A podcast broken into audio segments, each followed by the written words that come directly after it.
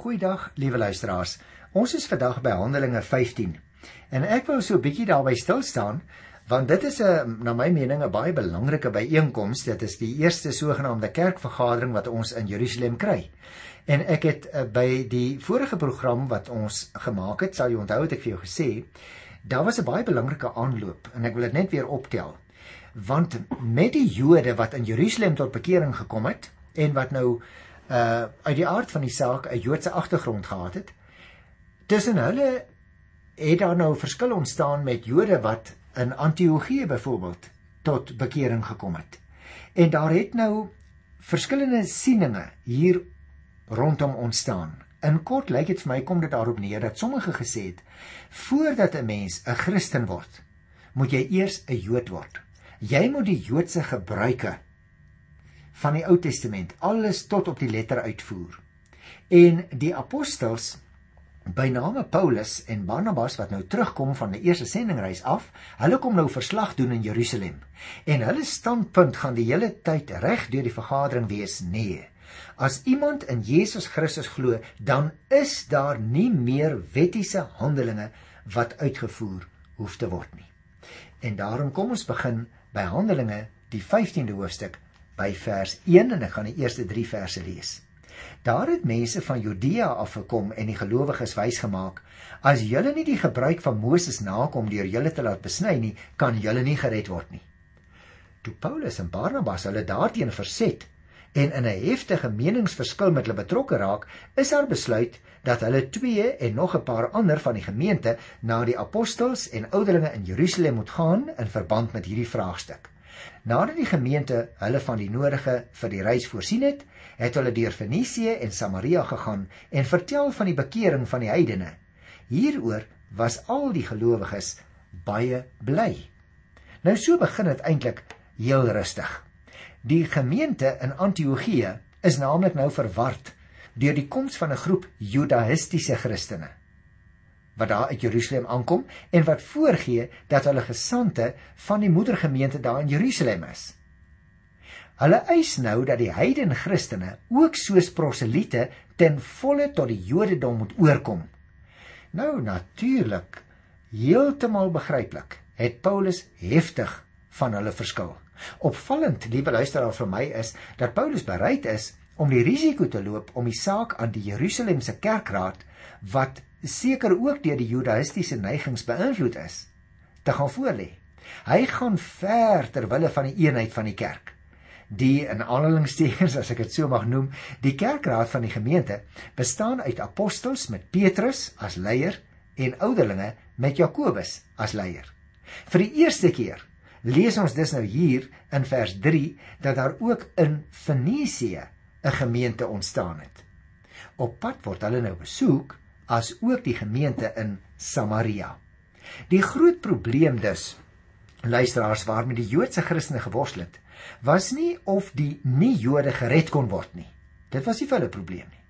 Maar hulle probleem was of hulle ook die wette van Moses moes gehoorsaam. Die besnydenis was nou die groot toets vir wetsonhouding. Jy sien, die Joodse Christene was geneig om nog steeds hulle eie veiligheid, as ek dit so mag sê, hulle eie veiligheid in die Joodse wette te gaan soek. By hulle het die klem nog te veel geval op eie prestasie. Verder was hulle ook bang dat die sedelike norme onder die gelowiges sou verslap as hulle nie aan die Joodse wette gehoorsaam was nie. Paulus en Barnabas en die ander kerkleiders het nou weer geglo, hoewel die Ou Testamentiese wette baie belangrik was, hulle nie 'n voorvereiste vir verlossing was nie. Die wet kan nie red nie. Slegs geloof in Jesus Christus. Dit is in kort waarop die apostels uh hulle standpunt gaan inneem. Nou is dit natuurlik, liewe luisteraar, baie goed om te kyk na die wyse waarop die kerke van Jerusalem en Antiochië hulle probleme opgelos het. Nommer 1. Hulle het bymekaar gekom om die saak uit te praat. Nommer Die vergadering het sowel die kerkleiers as al die ander wat by die saak betrokke was, ingesluit. Nommer 3. Paulus en Barnabas het daarna hulle saak gestel. En dan vierdens, Jakobus het al die argumente opgesom en daarna het hy eers 'n ewewigtige voorstel ingedien. Vyfde ding is belangrik om op te merk. Almal het die voorstel aanvaar en uiteindelik het die vergadering 'n brief saam met die afgevaardigdes dis van Antiochië gestuur om die besluit aan die gemeente daar in Antiochië te gaan oordra. Nou so, liewe luisteraar, behoort konflik binne die kerk opgelos te word. Probleme moet aangepak word. Elkeen moet die geleentheid gegee word om sy saak te stel. Betroubare leiers wat geestelik volwasse is en in staat is om verantwoordelike besluite te neem, moet die saak aanhoor en dan moet daaroor besluit word en moet daardie besluit so aanvaar word. En daarom lees ons nou in vers 4 en in vers 5: Toe hulle in Jerusalem aankom, is hulle deur die gemeente, die apostels en die ouderlinge verwelkom. Hulle het vertel van wat God alles deur hulle gedoen het. Maar party van die gelowiges wat vroeër fariseërs was, het na vore gekom en gesê die bekeerlinge moet besny word en aangesê word om die wet van Moses te onderhou. Jy sien dadelik is hier 'n wettiese inslag onder sommige van hierdie Joodse Christene. In Jerusalem word die apostels wel vriendelik ontvang en hulle word die geleentheid gegee om vir die gemeente te vertel van die heidensending. Sommige oud fariseërs haal nou die brandende probleem weer na vore. Ons lees die fariseërs was die strengste wetsmense. En luister nou na vers 6 tot daar so by vers 11 en 12. Die apostels en die ouderlinge het toe bymekaar gekom om hierdie vraagstuk te bespreek. Na 'n lang bespreking het Petrus opgestaan en hulle gesê: "Broers, julle weet dat God my lankal uit julle geleedere gekies het om die evangelie aan die heidene nasies te verkondig sodat hulle kan glo. En God wat die harte ken, het dit bevestig deur die Heilige Gees aan hulle te gee net soos aan ons. Hy het geen onderskeid tussen ons en hulle gemaak nie. Hy het ook hulle harte deur die geloof gereinig. Waarom wil julle nou God se geduld op die proef stel deur op die nek van die gelowiges uit die heidene nasies 'n juk te lê wat ons voorvaders nie in staat was om te dra nie en ons ook nie. Nee. Ons en ook hierdie gelowiges glo dat ons net deur die genade van die Here Jesus gered word. Nou ek wil eers net tot daar lees, liewe luisteraar. Want jy sien 'n vergadering is 'n belê vir die apostels en die ouderlinge en die afgevaardiging van Antiochië kry nou ook sitting. Nou aanvanklik bots die voorstanders en die teenstanders van die vryheid van die heidene Christene. Dan neem Petrus die woord. Die laaste keer tussen hakies, liewe luisteraars, dat Petrus in Handelinge gaan optree. Dis 'n baie interessante waarneming. Dat hierna, na hierdie groot kerkvergadering in Jerusalem, tree Petrus heeltemal buite die prentjie. Nou, hy verwys nou hier na die Kornelius insident. Jy sal nog onthou, né? Daar het die Here vir hom vir wat Petrus is 'n gesig laat sien met die rein en onrein diere volgens die Jode in een laken en het die Here vir hom 'n belangrike les geleer. Daar is nie so 'n ding soos rein en onrein Christene nie. Jy glo in Christus en jy's rein of jy glo nie in hom nie en jy is ongered. Daarom verwys Paulus nou na daai Cornelius insident en sy basiese argument is dat God deur die gawe van die Gees aan hierdie heidene wat nie die wet onderhou het nie, bewys dat hy die Here mense aanneem. God handel op presies dieselfde wyse met Jode en heidene. Hulle harte word gereinig as hulle glo. Nie deur die Joodse reinigingswette nie. Die Judaïste stel dus God se geduld op die proef, sê Petrus.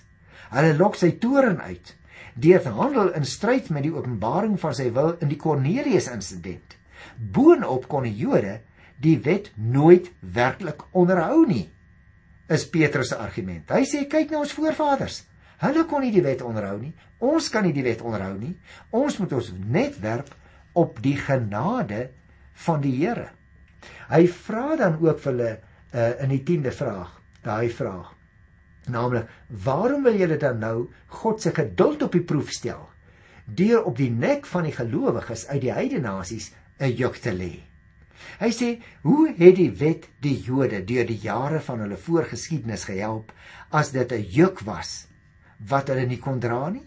Met ander woorde, hy sê vir hulle, dan het die wet hulle mos nie regtig gehelp nie. Paulus sê nou dat die wet 'n gids was wat vir hulle op hulle sondige maniere en dade gewys het, sodat hulle daaroor berou kon hê en kon terugkeer na God toe. Hy sê dit is die bedoeling van die wet gewees. Dit was nog altyd onmoontlik om volkome gehoorsaam te wees aan die wet. En natuurlik, liewe luisteraar, dit is vandag ook nog so. Ons moet nie anders daaroor dink nie. Nou luister na vers 12. Daarna het al die mense stil gebly en na Barnabas en Paulus geluister. Hulle het hulle vertel van die tekens en wonders wat God deur hulle onder die heidene nasies gedoen het. Die Judaïste is nou heeltemal stil. En Paulus en Barnabas vertel nou verder van wat op die sendingvelde daar buitekant gebeur het. Hulle sê hoor julle in Jerusalem, julle het nou hier sekere dinge belewe, maar daar op die sendingvelde het ons ook sekere dinge belewe. En hulle lê veral klem op die wonderwerke met die bedoeling dat God daardeur bewys het dat hy die wetsvrye heidensending goedkeur. Met ander woorde, Paulus en Barnabas se argumente is onder andere Die Here het dan ook nou wonderdade gedoen deur ons onder die heidene. Hoekom wil julle nou hier sê die heidene moet anders behandel word as God aan hulle ook dieselfde soort wonderdade bewys het wat hy aan julle hier in Jerusalem bewys het? Toe hulle nou klaar was, sê die 13de vers, sê Jakobus: Broers, luister na my. Nou liewe luisteraar, u moet nou mooi na hierdie man luister. Jy kan hoor hy het sy saak baie goed deurdink. Hy storm nie sommer in nie. Hy kom nie sommer tot 'n gevolgtrekking nie. Hy toon wysheid. Hierdie Jakobus, hoor hy's die leier van die kerk in Jerusalem. Hy sê: "Broers, luister na my. Simon het ons nou verduidelik hoe dit God self is wat begin het om na die heidene nasies om te sien, deur vir hom 'n volk uit hulle te versamel. Die profete sê dieselfde. Daar staan tog geskrywe en nou moet jy aanhaal uh, oplet liewe luisteraar hoe dit die apostel nou aanhaal uh, onder andere uit Amos by die 9de hoofstuk by die 11de en die 12de vers. Hy sê daar staan geskrywe daarna sal ek terugkom en ek sal die vervalle huis van Dawid weer opbou en ek sal sy bouvalle herstel en weer regmaak sodat al die ander mense die Here kan soek ja luister nou mooi al die heidene nasies wat ek geroep het om my eiendom te wees, sê die Here wat hierdie dinge doen. Dit is van ouds af bekend. Nou wonderlik dat hierdie ou Jakobus hulle so gerus stel. Hy sê maar die Here werk mos nou lank al. Hoekom is julle nou so amper in oproer? Hoekom is julle nou so ongemaklik dat die Here nou steeds nog werk met ander mense? Al is hulle uit die heidendom, hy werk mos nou al in al die eeue, sê hy vir hulle. Nou van vers 19 af. Daarom meen ek dat ons dit nie moeilik moet maak vir die heidene wat hulle tot God bekeer nie. Maar ons moet vir hulle skrywe om nie vleis te eet wat aan 'n afgod geoffer is nie, want dit is onrein. Dat hulle onseerlikheid moet vermy. Geen dier wat verwrig is, moet eet nie en ook nie bloed nie. Hierdie voorskrifte van Moses word immers van ouds af in elke stad aan die mense voorgehou. Elke Sabbatdag word dit in die sinagoges voorgeles. Hy gaan dus voort met sy argument en hy is besig om vir hulle te sê: Luister, hier is my voorstel. Omdat God die heidene wil hê moet ons dit nie vir hulle moeilik maak om in te kom uh as lidmate van die van die gemeente van die Here nie. Ek hy sê basies stem ek Jakobus dus met Petrus en met Paulus saam. Die probleem is egter sê daar is byna in al die gemeentes Joodse Christene. Hulle het so groot geword met die beskouing dat sekere heidense gebruike onrein is. Nou nou sê Jakobus terwyl van hulle word dan nou van die heidene Christene vier toegewings gevra. Veral ook om te verhoed dat die tafelgemeenskap tussen Joodse Christene en heidene Christene gestrem kan word. Hy sê ek stel nou voor omdat hier nou twee groepe is. Kom ons soek 'n middeweg. Geen vleis wat aan afgode geoffer is. Let op, luisteraars, geen vleis wat aan afgode geoffer is moet geëet word nie.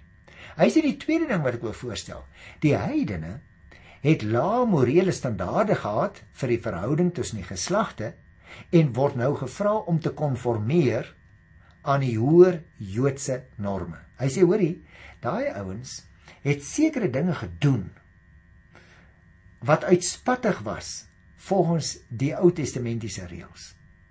En daarom dink ek sê Jakobus, ons moet hulle vra, wil julle nie die hoër etiese en morele Joodse standaarde handhaaf nie? Die derde ding wat Jakobus sê, geen dier wat verwrig is, moes geëet word nie. Dit wil sê diere wat nie volgens die Joodse wet geslag is sodat die bloed daaruit loop nie. Hy sê ons moet daarmee rekening hou. Die geniet van die bloed self het ook onrein gemaak. Levitikus 17 vers 10 het dit geleer. Nou sê Jakobus, sommige van hierdie beperkings het net 'n tyd lank gegeld. In sy briewe aan die Korintiërs dring Paulus ook uh, later op sommige van hierdie dinge aan. Met ander woorde, die apostels praat met groot simpatie oor die nie-Joodse gelowiges. En hulle argument is die nie-Joodse gelowiges het nie nodig gehad om volgens die Joodse wet besny te word nie. Hulle het egter nou wel gevra om hulle nie aan die afgodediens en aan die seksuele onsedelikheid van die heidene wat dikwels met afgodsdiens saamgehang het skuldig te maak nie. Hulle is nou ook gevra luisteraars om nie die vleis wat aan die afgode geoffer is te eet nie, né? Ek ek sal met julle daaroor ook gesels as ons kom by 1 Korinte 10. Maar hy sê julle moet onthou alle alle vleis kom van die Here af. Dit is rein. Maar kom ons sê nou van nou maar goed. Kom ons maak hierdie ding, hierdie reëling so. As die vleis geoffer is aan die afgode, dan moet ons dit nou ook maar nie eet as ons Christene is nie. U sien dis hy probeer om 'n middeweg te volg waar sommige van die ouens net sê ons wil nie die heide in ons uh, geleer hê nie.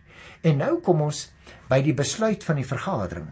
En jy sal opmerk, daarna, ek lees nou hier vers 22. Daarna die apostels en die ouderlinge saam die hele vergadering besluit om mense uit die vergadering saam met Paulus en Barnabas na Antiochië toe te stuur.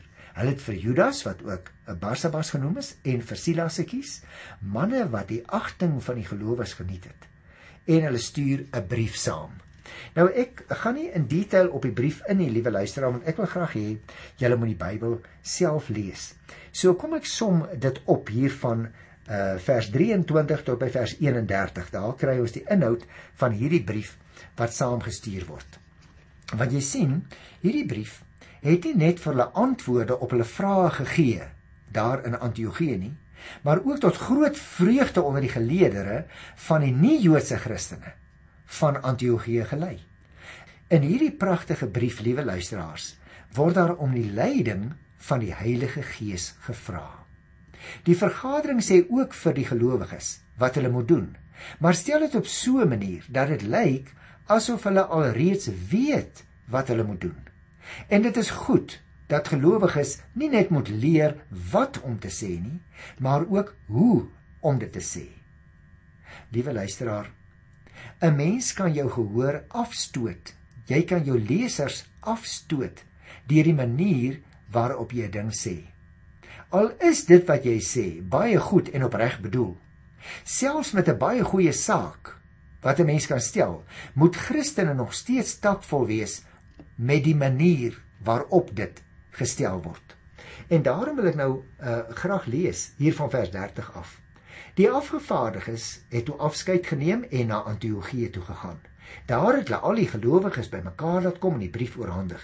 Die gelowiges het dit gelees en was baie bly oor die bemoedigende boodskap. Jy sien die meningsverskil oor die besnydenis kon tot groot verdeling in die kerk gelei het.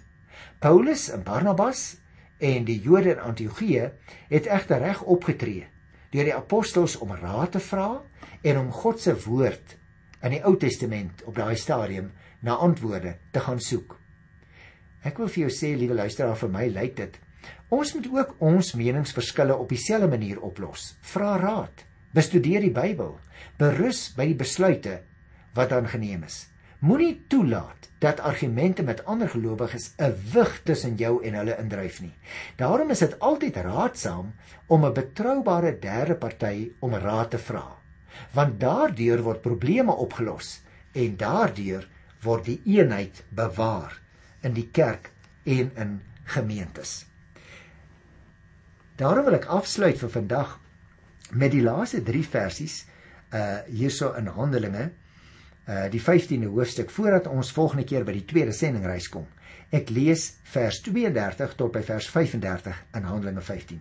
Judas en Silas wat ook profete was, het lank met die gelowiges gepraat en hulle bemoedig en geestelik versterk.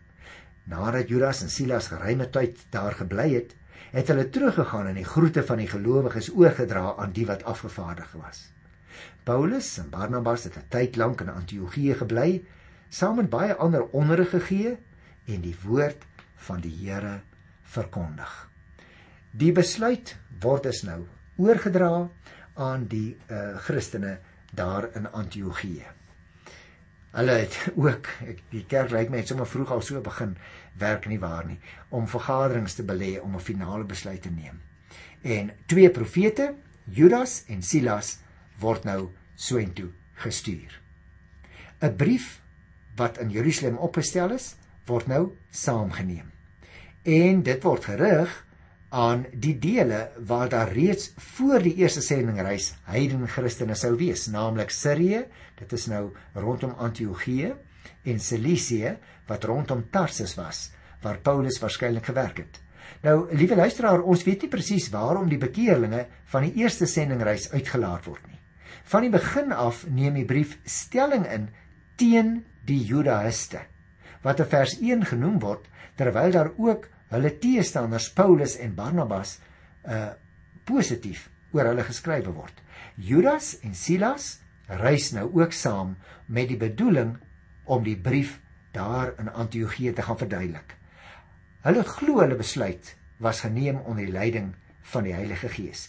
Oor die inhoud van daardie besluit het ons nou met mekaar gepraat en daarom gaan ek dit nou nie weer 'n keer herhaal nie.